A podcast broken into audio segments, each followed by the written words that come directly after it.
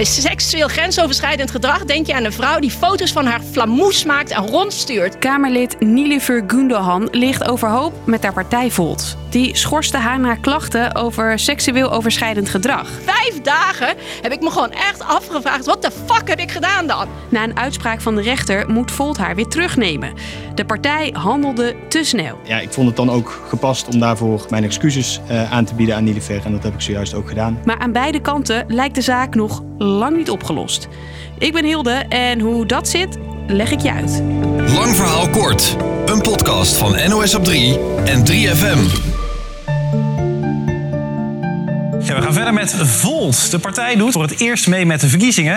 Er staat geen bekende kop aan het roer, maar het zindert rond de partij. Bij de Tweede Kamerverkiezingen vorig jaar waren ze er ineens. De partij met een pro-Europese boodschap, Volt. Partijleider Laurens Dassen en nummer 2 Gundogan schoven in de dagen voor de verkiezingen bij veel talkshowtafels aan. Op de flanken na zijn we aantrekkelijk voor bijna iedereen. En durft u te zeggen hoeveel zetels u gaat halen? We gaan voor minimaal drie zetels. Dat is onze ambitie en daar gaan we nu voor. En bent u er organisatorisch klaar voor? We zijn er helemaal klaar voor. En die drie zetels, die kwamen er. Veel, vooral jonge stemmers, kozen voor Volt. Ik vond het eigenlijk tijd voor een nieuwe frisse wind. Ik zie ook uh, om me heen dat veel mensen hebben gestemd. En ik ben toch meegegaan in die nieuwe, nieuwe flow. En zo werd de partij door meer mensen gezien. Een partij met nieuwe energie. Zij zullen ook allerlei eh, nieuwe shit weer krijgen hoor. maar even een partij zonder al die oude shit. Je hoorde historicus Geert Mak, precies een jaar geleden.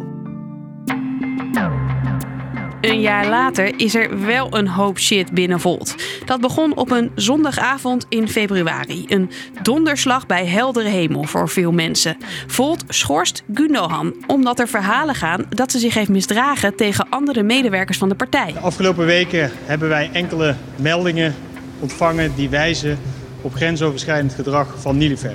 Dat zegt partijleider Laurens Dassen. En dat is voor mij een schok voor onze kleine fractie en voor de partij.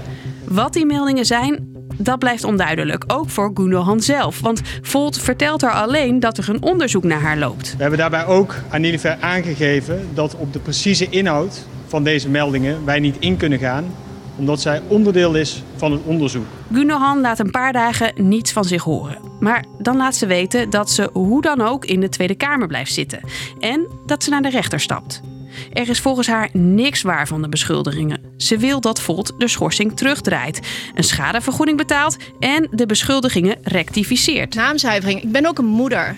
Ik kon het oude gesprek niet beginnen zonder dat ik de juffrouw beloofde naar eer en geweten dat ik dit soort dingen die in de pers zijn verschenen niet doe. En nog meer dan mijn politieke carrière is dat wat me raakt. De rechter geeft Gundogan gelijk en zegt dat Volt te snel heeft ingegrepen. De rechter stelt dat we het belang van de melders te centraal hebben uh, gezet en dat we te weinig oog hebben gehad voor het belang van Nilifer. Er is geen bewijs en Volt moet Gundogan weer onderdeel laten zijn van de partij. Gundogan wil dus weer voor Volt terug in de Tweede Kamer. Ik hoop dat we gewoon weer terug kunnen gaan naar hoe het ooit was. Ook al staan de verhoudingen tussen haar en de rest van Volt onder hoogspanning. Ja, ik blijf een optimistisch mens, maar het is ook wel weer zo, takes two to tango. Ondertussen loopt nog steeds dat onderzoek naar de verhalen over seksueel wangedrag. Want het verhaal van deze 13 melders staat wel nog steeds. Vijf van hen hebben hun verhaal gedaan in de krant NRC. Een medewerker vertelt dat Gundogan haar op de billen sloeg toen ze 17 was. Anderen zeggen dat ze hen ongewenst aanraakte op feestjes en dat ze intimiderende opmerkingen maakte. Gunohan reageerde bij Jinek op de beschuldigingen. Een voorbeeld is een mannelijke collega zei dat u hem in zijn nek had gekust en dat u tegen hem had gezegd dat u seks met hem wilde. Is dat waar? Nee. En ondertussen loopt er ook nog een zaak van Gunohan tegen Volt, partijleider Laurens Dassen en de 13 medewerkers die geklaagd hebben.